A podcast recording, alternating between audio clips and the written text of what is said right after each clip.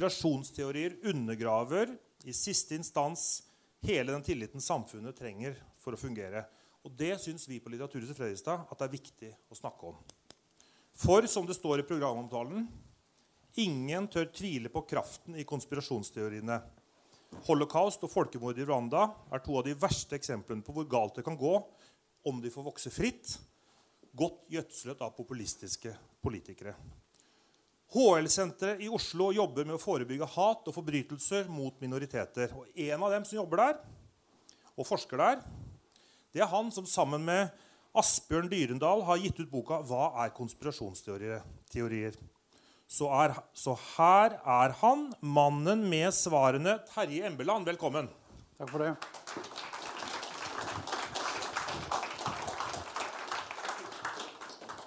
Skal vi se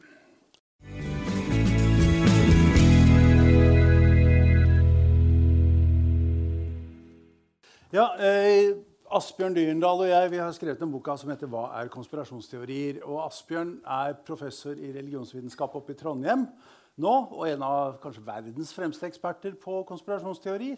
Jeg har også jobbet en god del med det fordi jeg jobber på Holocaust-senteret med antisemittismens historie, fascismens historie osv. Og, så og der er jo konspirasjonsteorier viktig, et viktig element. Eh, men Asbjørn og jeg har en lang forhistorie sammen. Vi traff hverandre på slutten av 80-tallet og startet en forening som het Skepsis. Som hadde til oppgave å drive kritisk undersøkelse av påstått overnaturlige fenomener. Og I den sammenhengen begynte vi å interessere oss for konspirasjonsteorier som florerte innenfor det som vi kaller alternativmiljøet. Da var det ingen som var interessert i å høre på oss i det hele tatt. Folk syntes vi drev med noe sånn ekstremt marginalt og sært og fjernt. Og En sjelden gang når vi fikk en eller journalist i tale, så var alltid spørsmålet hvilken er den morsomste konspirasjonsteorien eh, dere vet om? I dag er det ingen som spør det spørsmålet først. Fordi, som eh, innlederen her sa, dette er blitt et dødsens alvorlig tema. Vi ser at det sprer hat mot minoriteter. Det begrunner politisk vold og terror. Eh, og det brukes systematisk av populistiske demagoger, enten de sitter ved makten eller forsøker å få makten, rundt omkring i Europa og eh, i Vesten generelt. Så konspirasjonsteorier er i dag noe som stadig flere opplever som en, et problem, en utfordring, en trussel. Eh, og dermed har vi også blitt katastrofalt populære på en måte, altså vi, vi, Den oppmerksomheten dette temaet har fått nå i det siste, er veldig sunt og veldig bra. Og vi reiser og snakker om disse tingene ganske ofte til mange. Og det er veldig hyggelig å se at det er så mange her i kveld også eh, i Fredrikstad. Eh, jeg tenkte jeg skulle ta dere gjennom noen definisjoner av hva konspirasjonsteorier er. Eh, og hva det ikke er. Eh, prøve å avklare litt hva vi som forskere mener når vi snakker om konspirasjonsteorier. Og så skal jeg prøve å si noe litt om hvorfor dette kan virke tiltrekkende på folk. Eh, og I den sammenhengen skal jeg prøve å oppsummere en god del av den forskningen som er blitt gjort de siste 20 årene særlig på konspirasjonsteorier. Det er det vi har gjort også i denne boken, her, som er en slags liten sånn buljong av forskningen rundt konspirasjonsteorier. Enten det er innenfor sosialpsykologi, innenfor idéhistorie, religionshistorie, eh, statsvitenskap osv. Det er et forsøk på å liksom oppsummere forskningen. denne boka her. Og den er ment for, for alle. Den er ikke en fagbok, sånn snever fagbok, men er ment for å gi en grei introduksjon. Den kan dere for øvrig kjøpe utenfor her. Uh, jeg ser nå. Det er veldig hyggelig. Men la oss da begynne med å si noe om hva konspirasjonsteori når vi snakker om det som forskere, ikke er. Eller begrense begrepet lite grann. Altså for det første så er sammensvergelser noe som forekommer. La oss bare gjøre det helt klart. Når jeg kritiserer konspirasjonsteorier, så er det ikke fordi jeg benekter at folk rotter seg sammen. Eh, eh, det gjør vi alle sammen, mer eller mindre. På arbeidsplassene. Vi rotter oss sammen med og mot hverandre. Vi har mistro til andre menneskers eh, agenda osv. Det er helt alminnelig og fundamentalt menneskelig å prøve å finne ut av hva andre folk driver med i det skjulte, som kan representere en trussel for meg. Så det er altså ikke det vi snakker om. Og så er det en helt åpenbar ting her også at politikk med skjulte virkemidler og illegitime virkemidler er også et helt vanlig fenomen. Vi har eh, Gang på gang så har pressen avslørt den typen ting. Det er det vi har en fri presse til. Nemlig å avsløre urettferdig og uakseptabel skjult maktpolitikk. Og For ikke å snakke om hva etterretningsorganisasjoner driver med. Det er også politikk med skjulte eh, virkemidler. Dette er vanlig. Så det er ikke det vi snakker om heller. Og så er det sånn også at helt legitim kritikk av urettferdig maktbruk eller politikk med skjulte virkemidler eller sånne ting, kan bli stemplet som konspirasjonsteorier for å gjøres ufarlig. Så Ordet konspirasjonsteori kan også brukes for å stemple skal vi si, f.eks. legitim samfunnskritikk. Da. Så dette er greit å ha i bakhodet nå når jeg skal begynne å snakke om hva vi egentlig mener med konspirasjonsteorier. Men oss, Den enkelte definisjon det er jo troen på en bevisst sammensvergelse som handler i hemmelighet for å oppnå destruktive mål. Som sådan så kan konspirasjoner absolutt forekomme. Konspirasjonsteori er da teorien om at det har foregått en sammensvergelse som med skjulte midler forsøker å oppnå destruktive mål. Og så blir den enten bevist eller motbevist. Men det er ikke helt det vi snakker om. Vi snakker om noe mer en slags form for mentalitet. Det som innenfor eh, engelske eh, språkområder blir kalt 'conspiracism'. Altså en konspirasjonstenkning. Og Det er den jeg skal prøve å definere for dere. Konspirasjonstenkningen har en slags credo som er oppsummert av en, eh, en av de fremste innenfor dette feltet, som heter Michael Barkun. Det er følgende Ingenting er tilfeldig. Ingenting er hva det utgir seg for, og alt henger sammen. Det er den tenkemåten som preger denne mentaliteten. Ingenting er tilfeldig. Alt henger sammen, og ingenting er hva det utgir seg for å være. Det er konspirasjonstenkningens trosbekjennelse, så å si. Og hva bygger den på? Hva bygger den mentaliteten, den måten å se på verden på? En engelsk sosialpsykolog som heter Karen Douglas, eh, sammen med en av sine studenter, gjorde en veldig interessant undersøkelse i, eh, i England. Da, eh, hvor hun fant ut at de som trodde at det engelske kongehuset sto bak drapet på lady Diana, de trodde også at hun fortsatt levde. Skal vi ta den en gang til? Altså De som trodde at det engelske kongehuset hadde drept Lady Di, trodde også at hun fortsatt levde. Hvordan er det mulig? kan man da spørre. Hvordan i verden er det mulig å tro på begge de to tingene samtidig?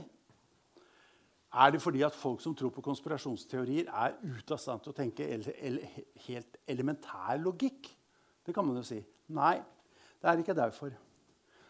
Det som er årsaken til det, er at de enkelte teoriene om Lady Di og hennes død er ikke så viktig for disse folkene. Det viktige er at den offisielle sannheten er usann. Det vi blir fortalt, er usant. Det er altså en slags virkelighetsforståelse av en høyere orden enn de enkelte konspirasjonsteoriene som er viktig for dem, nemlig noe som baserer på en grunnleggende mistillit det er mistilliten som er selve motoren i konspirasjonstenkningen. Mistillit. Vi kan også bryte det opp litt annerledes for å få, få et mer grep om hva, hva, dette verdensbildet på en måte går ut på. Da. Uh, her skal jeg bruke en del uh, litt sånn teoretiske ord, men jeg prøver å forklare hva jeg mener med det.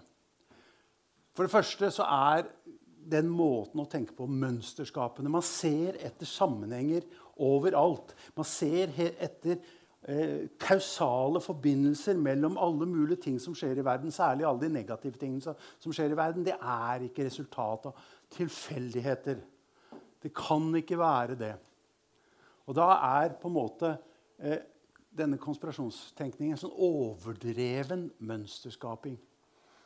Men det er grunnleggende, det er grunnleggende menneskelig, det også.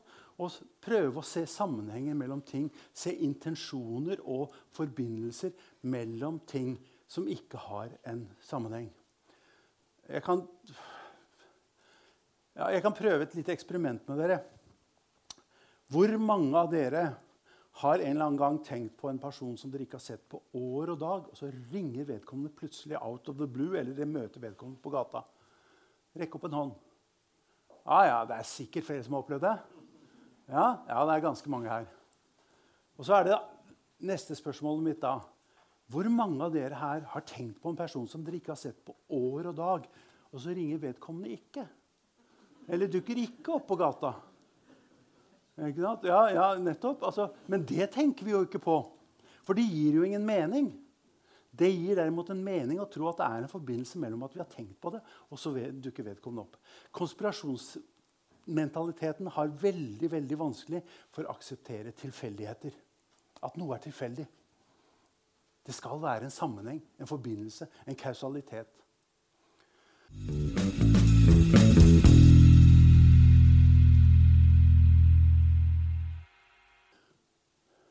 Det andre stikkordet for denne tenkningen er intensjonalistisk. Hva betyr det?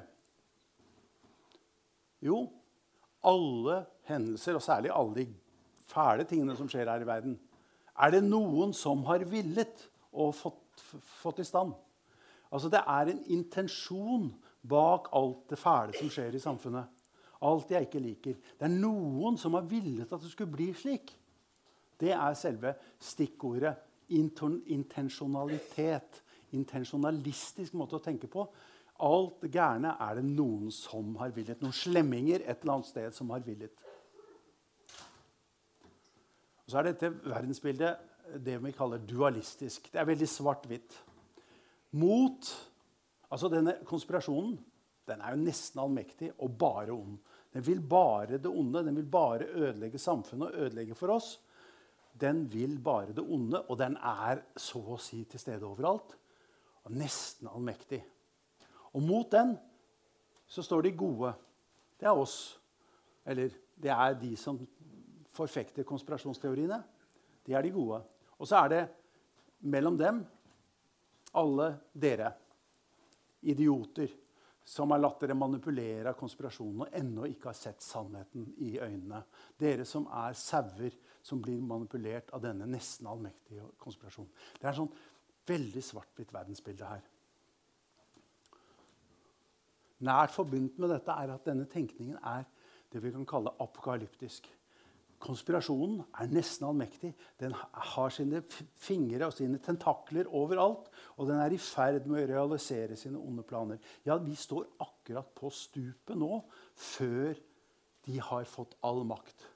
Og hvis ikke det skal skje, hvis ikke vi skal kastes ut i katastrofen, så må vi handle nå.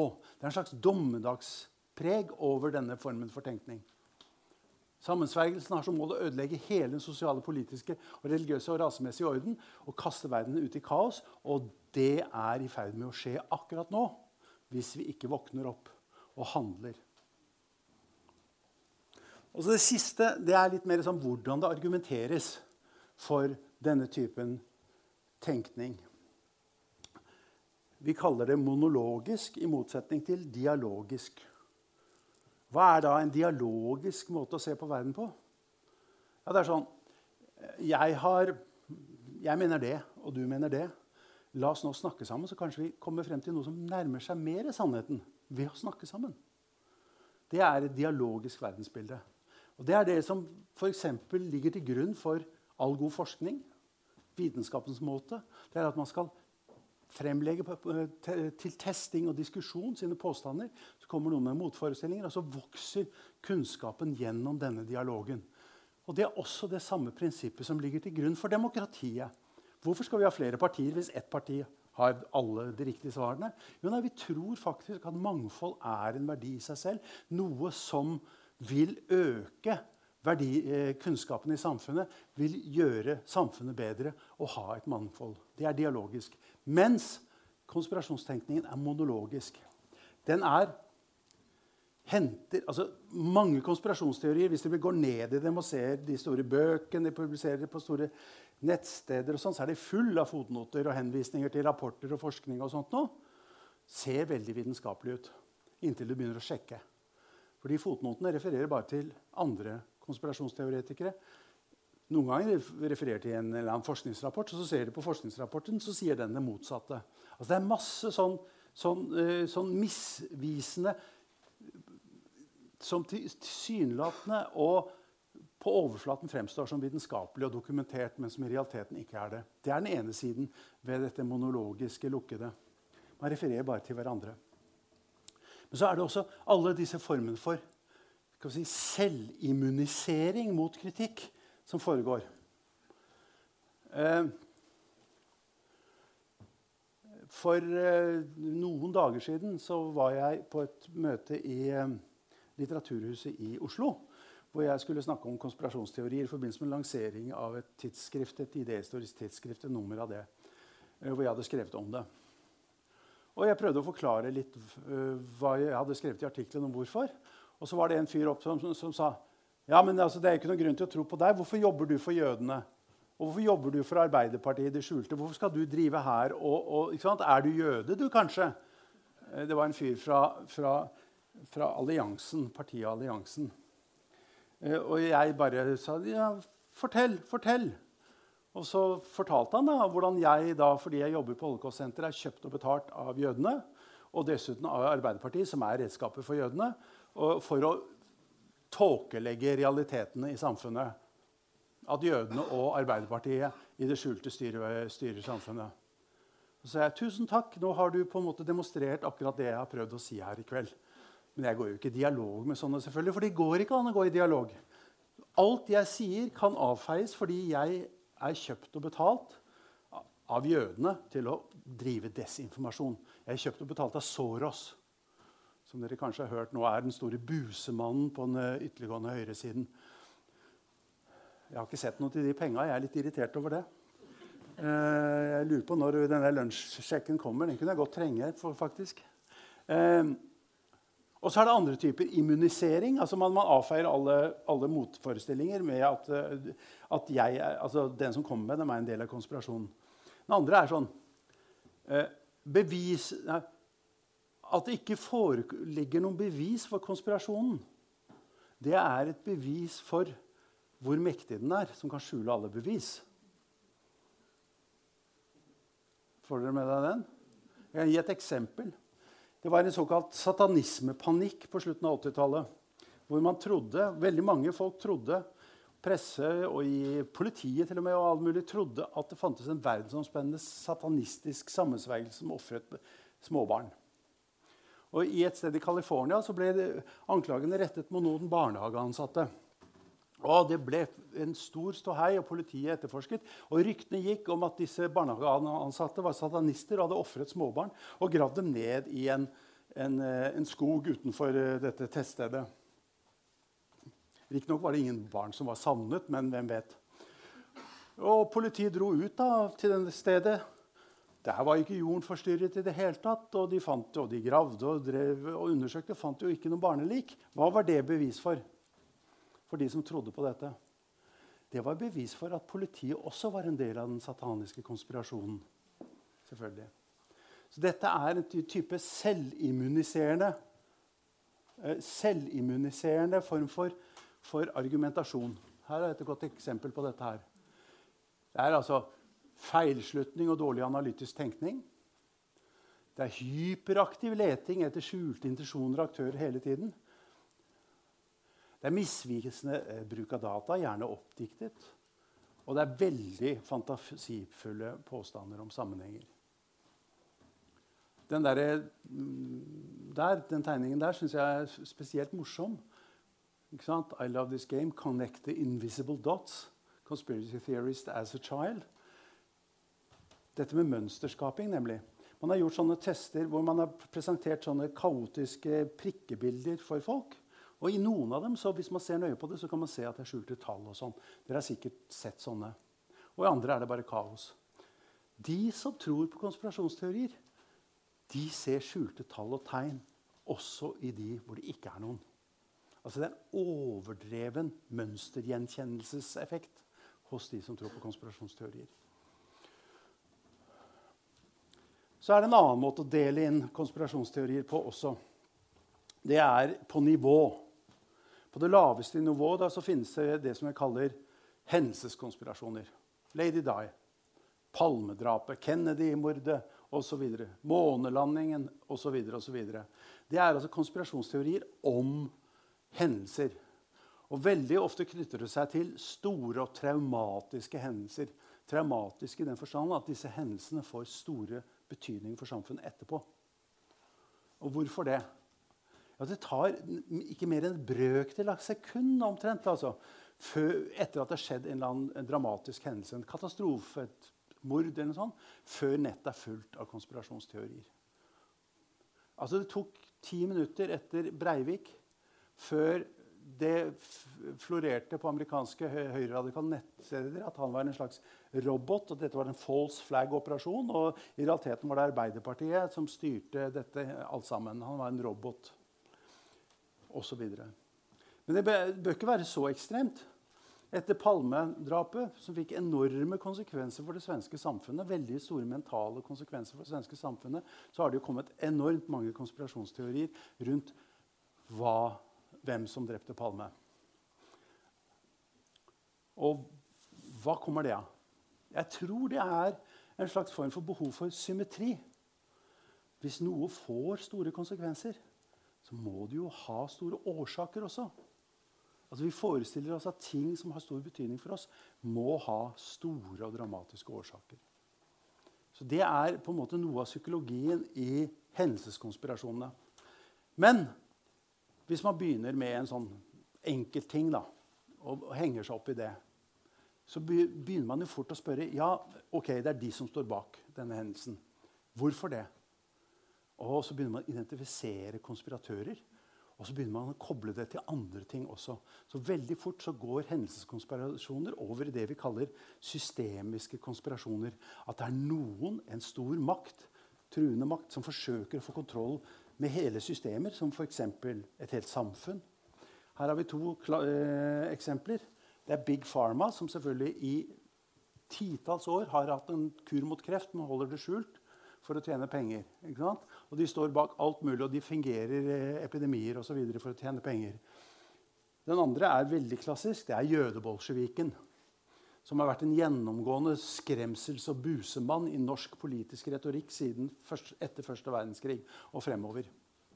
Det er den typiske systemkonspirasjoner. At man kobler hendelser til sånne som står bak. Eh, som har onde intensjoner, og man ser at de også står bak andre konspirasjoner. Så begynner man å lenke dette sammen. Eh, dere kanskje har hørt om denne flatjordsbevegelsen som oppsto her den er jo ikke mange år gammel. hvor det på nett, nettet nærmest som sånn ironisk oppsto en sånn idé om at, uh, at, jorda egentlig var flat, og at, at, de hadde beviser for det. stadig flere beviser ble da koblet til dette. her og Så, videre. så det er en lang sånn diskusjon. Også etter hvert så, så, var det ikke ironi lenger, men begynte, folk begynte å tro på det. Men så begynner man å spørre seg ja, hvem er det som har interesse av å ha løyet for oss om at jorda er rund i alle år. da? Og Blant mange av disse tilhengerne av flatjordsteoriene på deres nettsider nå, så har de funnet ut hvem som, det, som står bak. Særlig i USA. Hva var det? Jo, det er jødene, selvfølgelig. Jødene som står bak.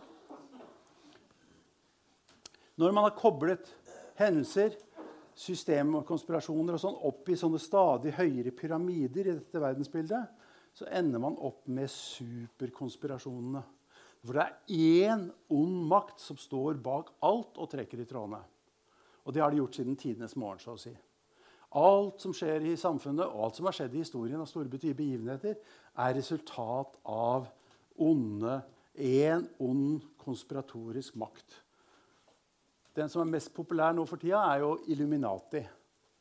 Det ser dere hvis dere går på YouTube eller ser på alle videoene som forteller hvem som, hvem som er, tilhører Illuminati eller er drept av Illuminati osv. Det er en av disse superkonspirasjonene. En annen superkonspirasjon det er den som, David, som henger sammen med denne. Eh, det er den som en tidligere fotballkommentator som heter David Ike. som har eh, gjort seg veldig populær på å si at jorden er styrt av reptiler fra det ytre rom forkledd som mennesker. Det høres jo helt spinnvilt ut når han fyller Wembley Stadion eh, med tilhengere. Han selger titusenvis av bøker om dette. her. Så Den engelske kongefamilien er egentlig reptiler forkledd som mennesker. og det kan man se med alle mulige, Han avslører på nettet alle mulige filmer som viser at de plutselig så forsvinner pupillene, og så kommer sånn reptiløye osv. Så masse sånne beviser for dette her. Så engelske kongefamilien, eh, Bush-klanen i USA, er eh, reptiler. Og av en eller annen merkelig grunn også countrysangeren Boxcar Willie. Jeg vet ikke riktig hvorfor det, men Eh, men de er reptiler fra ytre rom, og de har styrt og styrer samfunnet de skjulte. Det er en superkonspirasjon.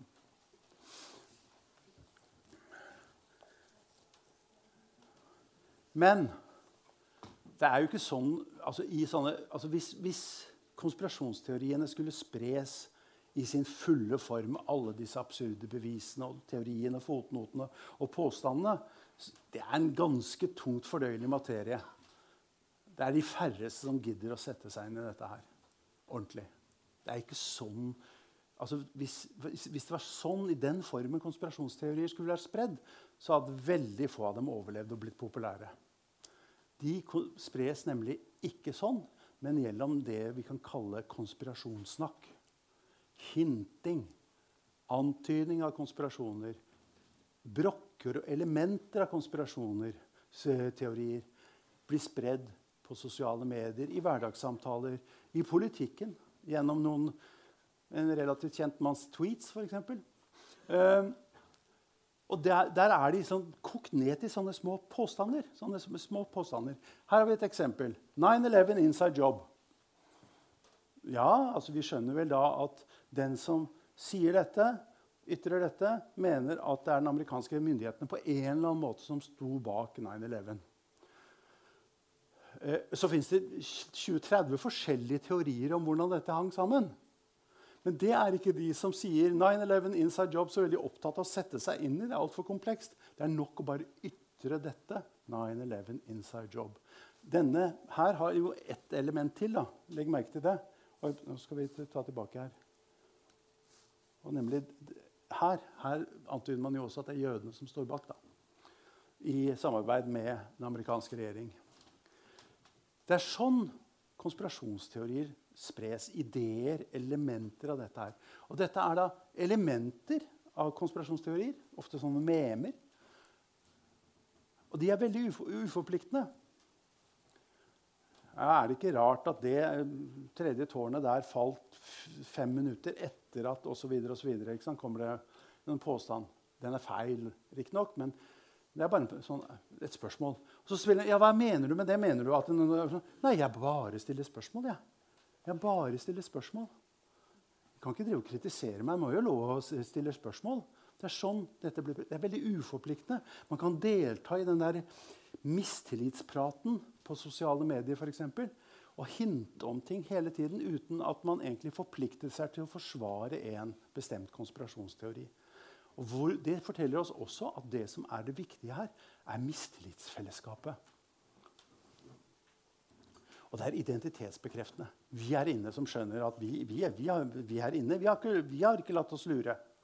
Alle andre har kanskje kjøpt den offisielle historien, men vi her har skjønt at det er andre ting som er på gang. Så vi er liksom en litt sånn utvalgt gruppe. så det skaper en slags identitet.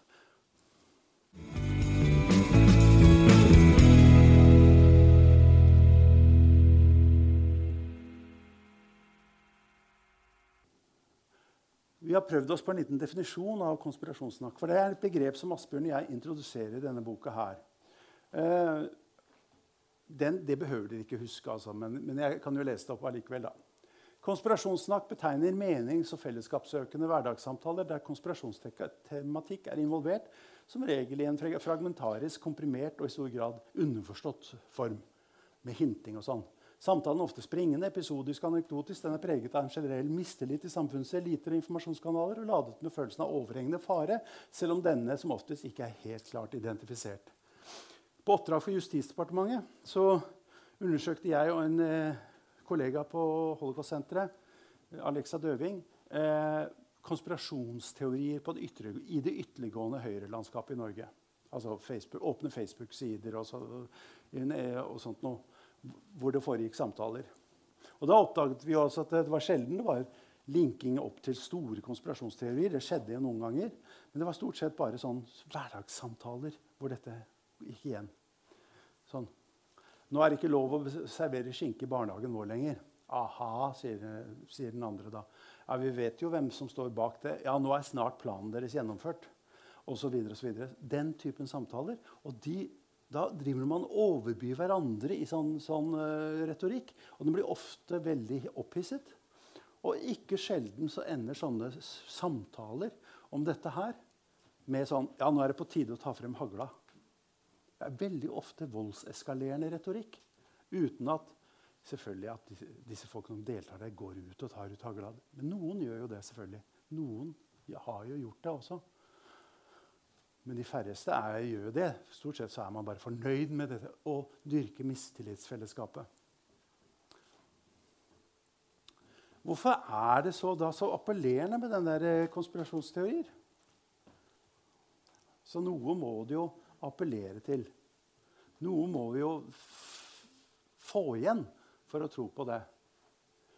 Og Der er det selvfølgelig mange forklaringer på det. Og det er veldig mange varierte forklaringer, avhengig av hvilke konspirasjonsteorier som hvilke grupper i samfunnet for eksempel, og hvilke individer eh, formidler.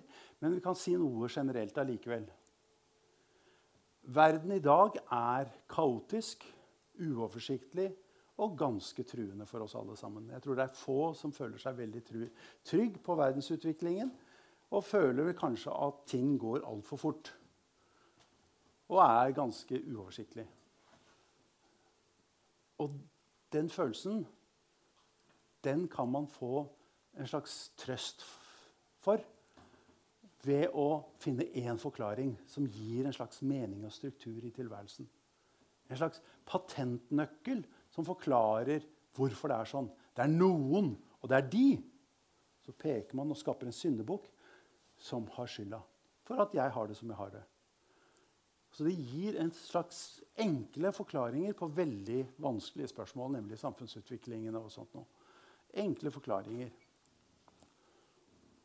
Det gir en slags følelse av, om ikke trygghet i vanlig forstand, så i hvert fall en følelse av at man har litt kontroll da, over hvordan ting henger sammen. Og det styrker selvfølgelig gruppefølelsen og identiteten. Det er slemmingene som har gjort at de har det som de har det. Det er ikke min skyld. Vi her er en gruppe som ikke har fått det som vi egentlig, ha, som vi egentlig fortjener. Og det er noen der ute, de, som har gjort det. Så det styrker selvfølelse og gruppeidentitet.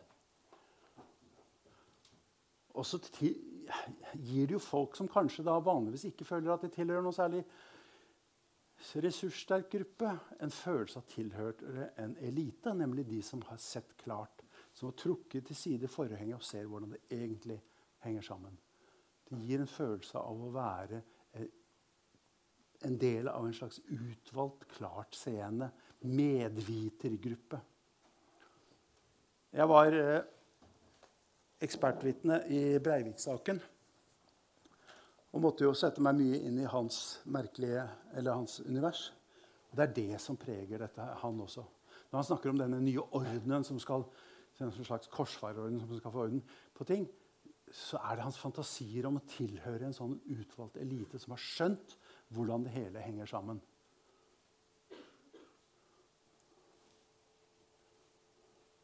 Og så skal vi ikke glemme en annen viktig ting. Og Den kan jeg ikke snakke om her noe særlig. Det er jo at Konspirasjonsteorier kan vi jo også leke oss med. Jeg selv er kriminalforfatter ved siden av å være forsker. Og da bruker jeg konspirasjonsteorier mange ganger når jeg skriver eh, kriminalromaner i mange thrillere og sånt, og, så er, og i mye av filmer og sånn, så er jo dette her at man avslører en skjult hemmelighet bak den tilsynelatende, det er selve det som skaper spenning. Og det er lov. Det er lov å leke med dette. Innenfor det fiksjonale universet så er det lov å leke med. Og det er jo noe som også eh, gir oppmerksomhet når du forteller det. det, har, det har, altså, konspirasjonsteorier har et element av melodrama som er ganske spennende. Det er derfor det brukes så ofte i fiksjonslitteraturen og i spenningsfilmer og så også. At det er noe sånn fundamentalt tilfredsstillende. Når du er konspirasjonsteoretiker, så er du litt detektiv. ikke sant?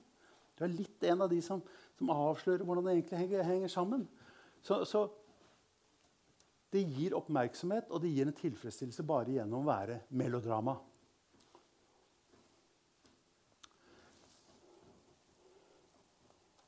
Dette konspirasjonssnakket, dette, disse misnøyefellesskapene, de er det jo noen som er veldig flinke til å bruke helt bevisst. Og det er populister. Og i denne sammenhengen siden, skal jeg snakke om høyrepopulistene. Det finnes populister på den andre siden også som, uh, som benytter seg av konspirasjonselementer og misnøye, i, sin misnøyetale. Men nå snakker jeg først og fremst om høyrepopulismen. Eh, selv om Chávez er et godt eksempel på en venstrepopulistisk konspirasjonsteoretiker. Han trodde jo f.eks. at jordskjelvet i Haiti var utløst av en hemmelig jordskjelvmaskin som amerikanerne hadde på en hemmelig base i Alaska. Det, det, som skjer når man bruker sånne forestillinger, det er at man lager en slags sånn beleiringsmentalitet i folket som sørger for at man får større oppslutning. Man konsoliderer sin oppslutning ved å spre denne typen forestillinger. Men hva er populisme? Det er forestillingen om at man snakker på vegne av det rene og gode og sunne og naturlige folket mot en korrupt elite som står imot dette folkets interesser. Det er populisme uansett hvor den befinner seg på det politiske spektrum. Det er det som er selve kjernen. Og når man snakker om korrupt elite, så ligger jo konspirasjonstenkningen veldig snublende nær. Snublende nær å bruke. Fordi hvor, på hvilken måte er de korrupte? Det som minner om konspirasjonsteorier i populisme, er jo også dette svart-hvitt verdensbildet. Det ligner jo på konspirasjonsuniverset. En annen ting er jo at populistene alltid kommer med veldig enkle forklaringer på hvordan de skal løse alle verdens problemer. Hvis dere bare gjør sånn og sånn, så, jo, så, så blir alt bra. Og så I høyrepopulismen så forbindes dette også med det som kalles nativisme. altså Forestillingen om at, at folket det er det rene, etnisk rene, sunne, naturlige folket som alltid har vært der. Og som nå er truet av ytre fiender. Så man sprer det kombinert med fremmedfrykt. Det er som dere ser, en ganske nær forbindelse mellom konspirasjonsmentalitet og populisme. Så populisme inviterer til konspirasjonstenkning. Populismen overlapper sterkt med konspirasjonstenkning. Og hva er det ved slike populistiske demagoger eh, og deres måte å bruke dem på? Hva er selve kjernen i det? Ja, det er godt formulert her, syns jeg. Konspirasjonsfortellinger brukes som et middel til massemobilisering av grupper som ikke har tilgang til klassisk politisk makt. De tilbør de troende en symbolsk tilfredsstillelse av å tilhøre de som vet. Dette kan utnyttes av politiske aktører som manipulerer disse fortellingene for å fremme sin egen politiske agenda. Det er det, den mekanismen som skjer når Trump sprer slik konspirasjonssnakk i sine memer og sine tweets. mener jeg. Og det, det er sånn uh, Putin driver. Uh, hos Putin er det helt bevisst. Det er, han legger et slags sånn informasjon, altså en sånn informasjonsrøykteppe.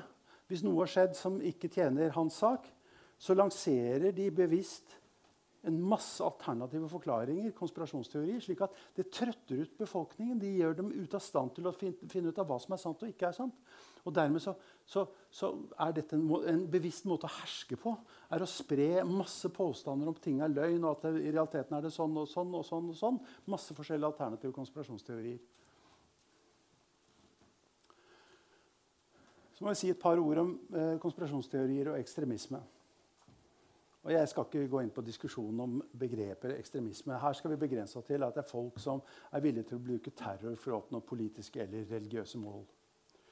Og det var en undersøkelse av 50 sånne grupper, politiske og religiøse, fra alle mulige religiøs bakgrunn, alle mulige deler av det politiske spekteret, som hadde begått terror.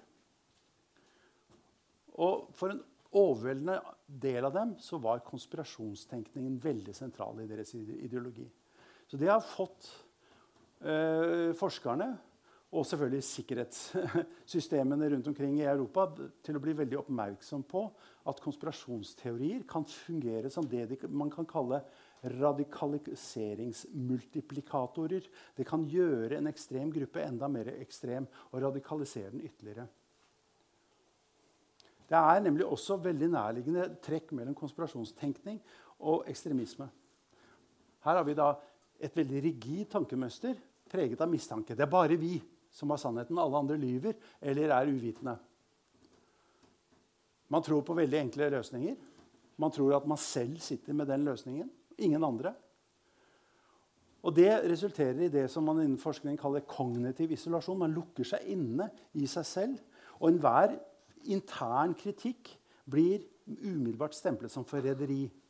Så det, På denne måten så lukker disse ekstremistgruppene seg inne også i en sånn paranoid eh, verdensforståelse. Jeg vet ikke om noen av dere har hørt om det som het Blekingatebanden i Danmark? Det er skrevet en formidabelt god uh, bok om det, eller to bøker, av en som heter Øving Knutsen. Det var en venstregruppe på 70-tallet som plutselig begynte å tro at de hadde den eneste sanne analysen. Resten av venstresiden var totalt korrupt. Så de lukket seg inne, gikk under jorden og fortsatte som en terrorfinansierende kriminell bande i 20 år etterpå. Helt, Ingen visste det. Ikke engang konene til seg som, hadde som med, var med i gruppa, visste det. Ingen av kollegene, En av dem var en av de høyst dekorerte brannmennene i Danmark. En annen var IT-ekspert, hadde installert IT-systemet i politihuset i København. Men det, dette er den at man lukker seg inne og går under jorden. på en måte. Disse trekkene blir altså forsterket når de kobler sammen med ekstreme ideologier. Så et par ord om alle konspirasjonsteoriers mor. Som jeg sa med Flatjord, er jødene som står bak.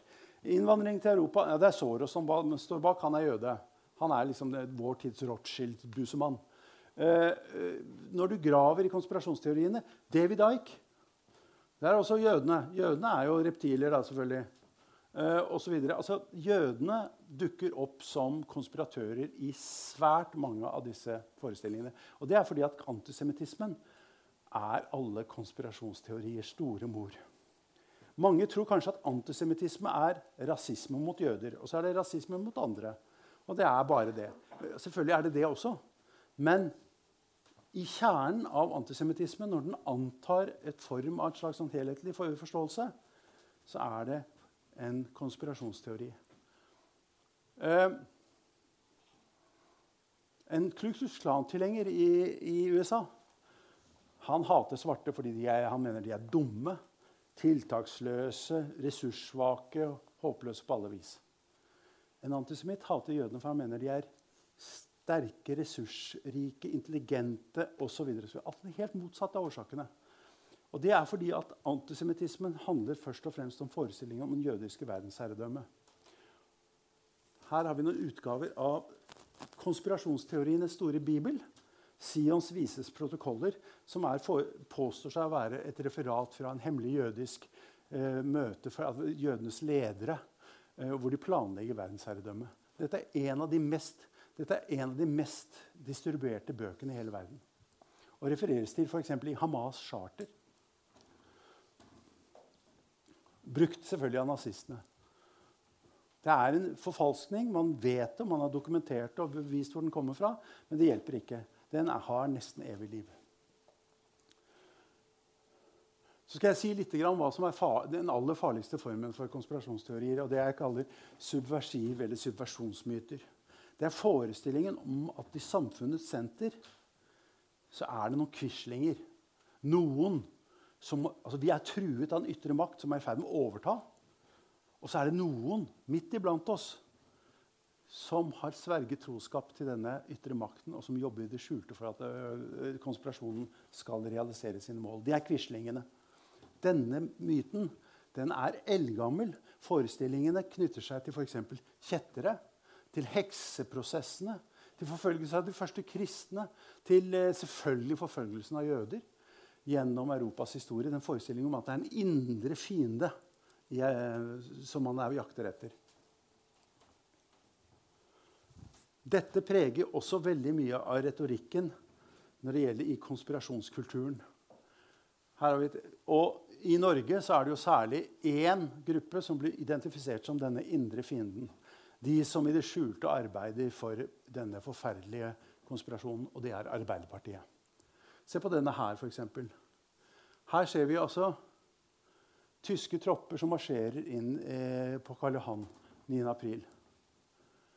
Som setter sammen med Arbeiderpartiet. Altså Vi er eh, utsatt for en ny invasjon av fremmede, farlige makter. Og noen har blitt som Quisling, er nå Quislinger på vegne av denne makten, og det er Arbeiderpartiet.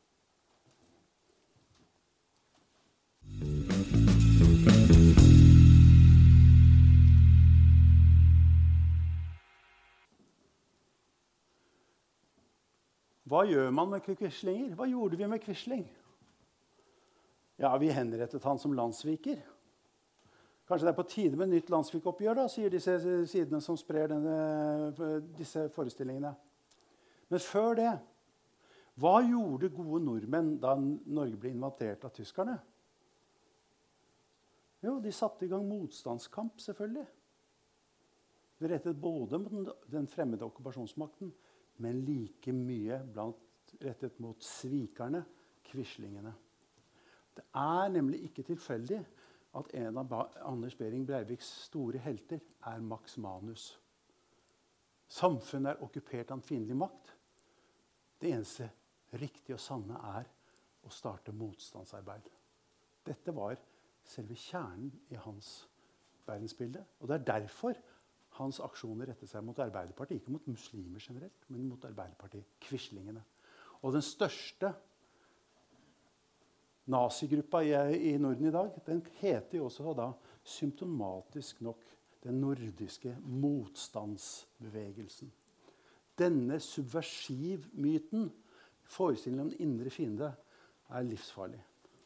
Fordi den legitimerer så lett at man da setter i gang med voldelige aksjoner, voldelig motstandskamp. Jeg skal avslutte med et annet eksempel, nemlig noe av det mest trivielle altså At konspirasjonsteorier kan virke som veldig sære og rare og kanskje ikke så farlige, mange av dem heller. Men de kan da være inngangen til et større univers og resultere i ganske katastrofale ting. En god venn av meg han driver noe som heter WildX, som er en, en organisasjon støttet av Norges jeger- og fiskeforbund og, og, det offentlige, hvor han tar innvandrerungdom inn og, og lærer dem liksom, å fiske og ute i skog og mark og gir dem jegerprøve osv. Veldig vellykket prosjekt. Han holdt på i mange år. Og han fortalte at denne gjengen på 40-50 sånne innvandrergutter så fikk de, Han holdt til i Groruddalen i Oslo. Så fikk han besøk av et par som gjerne ville komme inn. Og de ville vel også ha jegerprøven. Og så begynte han å Nei, fordi noen av de andre i gruppa sa at ja, de har så rare meninger. De mener f.eks. at Illuminati drepte Michael Jackson. Ja, og den har dere sikkert sett. ikke sant? Illuminati er da eh, denne superkonspirasjonsteorien hvor alle disse kjente artistene stått, uh, er, står bak. Og Michael Jackson kjente til dem, og derfor ble han drept av Illuminati. De begynte å spre disse forestillingene. Og de fikk masse motstand i denne gruppa. Nei, nei dette her er for sprøtt. og sånt. Og etter hvert, som om, når de ikke fikk, fikk noe gehør for disse teoriene, så forsvant de ut igjen. Eh, to måneder etterpå var de drept i Syria. To måneder etterpå var de drept i Syria. Deres inngang til radikalisering var ikke at de leste Koranen det var at de så på YouTube-videoer som forklarte at Michael Jackson var drept av Illuminati. Og det viste seg, Jeg hadde et foredrag for en del politifolk som hadde etterutdanningskurs. Og En av dem kom fra Groruddalen. Han sa at han, det er kjempevanskelig å komme i dialog med disse ungdomsgjengene der. Fordi de vil ikke gi navnet sitt, for de vet at hvis de gir navnet sitt til en politimann, så går det rett til Illuminati. Så her omsettes en tilsynelatende nokså spinnvill og, og tilsynelatende helt nesten uskyldig tullete eh, konspirasjonsteori. Omtrent som at Paul McCartney er død. ikke sant? Altså, den, egentlig ikke noe sånn, Omsettes i en praksis som har store problemer både for politiet og for eh, nærmiljøet når, når konspira disse konspirasjonsteoriene blir på en måte instrumentalisert i lokalmiljøet. La oss oppsummere hva, hva, som er farlig med dette. her da. Konspirasjonsteori og demokratiet. Ja, altså det, den monologiske måten å tenke på undergraver evnen til kritisk tenkning. Og det svekker borgernes evne til å treffe rasjonelle valg.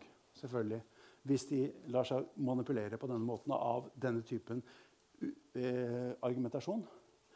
Det undergraver tilliten til demokratiet. Mistillitskulturen sprer seg. Og det passiviserer borgerne. Altså de, det er bare bitte, bitte, bitte eh, liten prosent som gjør noe med konspirasjonsteoriene sine. De aller fleste gjør det motsatte. sier at nei, men alt er bare korrupt allikevel. og styrt av disse, Så jeg gidder ikke å delta i valg. For eksempel. jeg gidder ikke å engasjere meg. Det passiviserer borgerne. Og så åpner det for populisme, som spiller på denne mistilliten ved å spre konspirasjonsteorier. Og så begrunner det da ekstremistiske ideologi og vold og terror hos veldig en enkelt liten minoritet av dem. Hvordan skal vi bekjempe det? Det er jo selvfølgelig 100-kronersspørsmålet som jeg ikke har noe veldig godt svar på enda. Der, der, drives det mye forskning nå, men det er ikke kommet så veldig langt. Eh, min kollega Asbjørn Dyrendal er involvert i et stort europeisk forskningsprosjekt nå som skal prøve å finne ut av hva det er som virker, f.eks. i undervisning. og sånn. Så det kommer mer av det etter hvert. Men for veldig mange, som, særlig yngre mennesker, som sprer konspirasjonsteorier og ser på det på på, i sosiale medier eller på YouTube, eller hva det måtte være, så, så, er dette underholdning først og fremst. Det er noe som skaper liksom, sånn oppmerksomhet. Og vi må skille mellom når folk sprer konspirasjonsteorier som sånn underholdning, og når de, det blir slags identitetsskapende snakk. For vi kan ikke gå opp med den løftede pekefingeren med en gang noen kommer med en sånn uh, teori. fordi da kan nemlig sinnet lukke seg i selvforsvar. Kanskje det var det som skjedde med de to gutta som endte i Syria. Sinnet lukker seg i selvforsvar, og da blir på en måte konspirasjonsteoriene identitet. Og så er det selvfølgelig, som alltid eh, Jeg diskuterte dette her med, med eh, Når jeg diskuterer det med politikere, så sier de ja, vi har tiltakspakke i skolen om det og tiltakspakke i skolen om ditten og datten. Det er stadig nye tiltakspakker mot sånne ting. Jan Tore Sanner diskuterte jeg med her for en stund siden. Og, så, og det er selvfølgelig sånn politikere sier, fordi det er det største samfunnsfeltet som politikere har en viss innflytelse på. Det er jo skolen. Så da skal jo skolen løse alle problemer. der. ikke sant? Og det er vel og bra, og det er veldig viktig. Altså det er Mye av den, de tiltakspakkene som jeg mener, f.eks. tiltakspakken mot rasisme i skolen. Alle undersøkelser viser at ungdommen er nærmest fargeblind. Det er ikke ungdom det er noe problem med. Altså Hvis man skal ha tiltakspakke, så er det i pensjonistforeningene. Det er der det store problemet med rasisme fins nå. Eh, vi har tiltakspakke mot nynazisme. Ja, men altså, hvor, hvordan, I skolen altså Disse medlemmene av den nordiske motstandsbevegelsen er mellom 25 og 45. Det eneste stedet de møter samfunnet, er på Nav. Tiltakspakke via Nav, da eventuelt. Altså, det er ikke der vi kan sette det inn der heller. Men når det gjelder konspirasjonsteorier, så er det litt annerledes. For det, det skolen skal lære folk, er jo kritisk tenkning, vitenskapelig tenkning, kildekritikk, nettvett og alt dette her. Og det er veldig viktig. Og I ungdomskulturen så er det mye sånn konspirasjonselementer, sånn konspirasjonssnakk av den typen i form av underholdning. Så det er viktig selvfølgelig å gjøre noe i skolen. Jeg har gjort et veldig morsomt eksperiment sammen med Asbjørn. i sin tid. Vi tok en sånn stor gruppe med ungdom, og så, så, fortalte vi en kort introduksjon. Hva er konspirasjonsteorier? Hvordan er det bygget opp? Så sendte vi gruppearbeid. Egen, dere skal lage deres egen konspirasjonsteori på fem timer. Så skal dere opp på scenen og så skal dere forsvare, presentere den og forsvare den. Finn, alle kjevhendte står bak. Ikke sant? Céline Dion er dyr i åpenbaringen. Det er for øvrig en teori jeg kanskje er litt mer enig i enn de fleste andre. Men uansett, eh, altså, så, så, gjorde de det. Og når de hadde gjort det, så var de vaksinert mot konspirasjonstenkning. For da hadde de skjønt hvordan de var bygget opp, og hvordan man argumenterte for dem. Det er en metode. Men i siste instans så handler ikke kampen mot konspirasjonsteorier om tiltakspakker i skolen.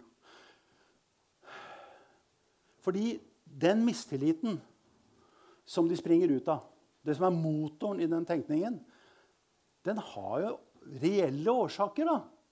Altså, folk har grunn til kanskje å føle utrygghet, føle maktesløshet osv. Så hva skal vi da gjøre? Jo, da er svaret på å bekjempe konspirasjonsteorier et politisk svar. Vi må skape et samfunn med større grad av tillit. Hvordan skal vi gjøre det? 60% av norske folk faktisk sier at politikerne bryr seg ikke om sånne folk som meg. Og det er i et samfunn som regnes som, veldig, som er preget av veldig stor tillit. Det norske. Du kan tenke på hvordan det er i Spania eller, eller Italia eller Frankrike. Så vi må bygge opp Vi må prøve å få et samfunn hvor folk føler at de har mer kontroll over sitt eget liv. Og har innflytelse over samfunnet. Det gapet som nå har åpnet seg vil jeg si, mellom for å bruke en klisjé, folk flest og det politiske systemet, må tettes igjen på en eller annen måte. Og Det er også en konklusjon for en stor rapport som hadde undersøkt konspirasjonstenkning i hele Europa. Hvor de sier å håndtere konspirasjonsteorier handler ikke så mye om å øke utdannelsesnivå eller legge frem politiske argumenter. Snarere dreier det seg om å skape politiske, økonomiske og sosiale forhold som skaper grunnlag for gjensidig tillit. Det er svaret. Så enkelt og så forferdelig vanskelig er det. Og jeg har masse forslag til hvordan det skal gjøres som dere kommer til å være hjertens uenige om hvis jeg begynte å snakke om det. Men da, da, går jeg over fra å være forsker på dette temaet til å bli samfunnsborger.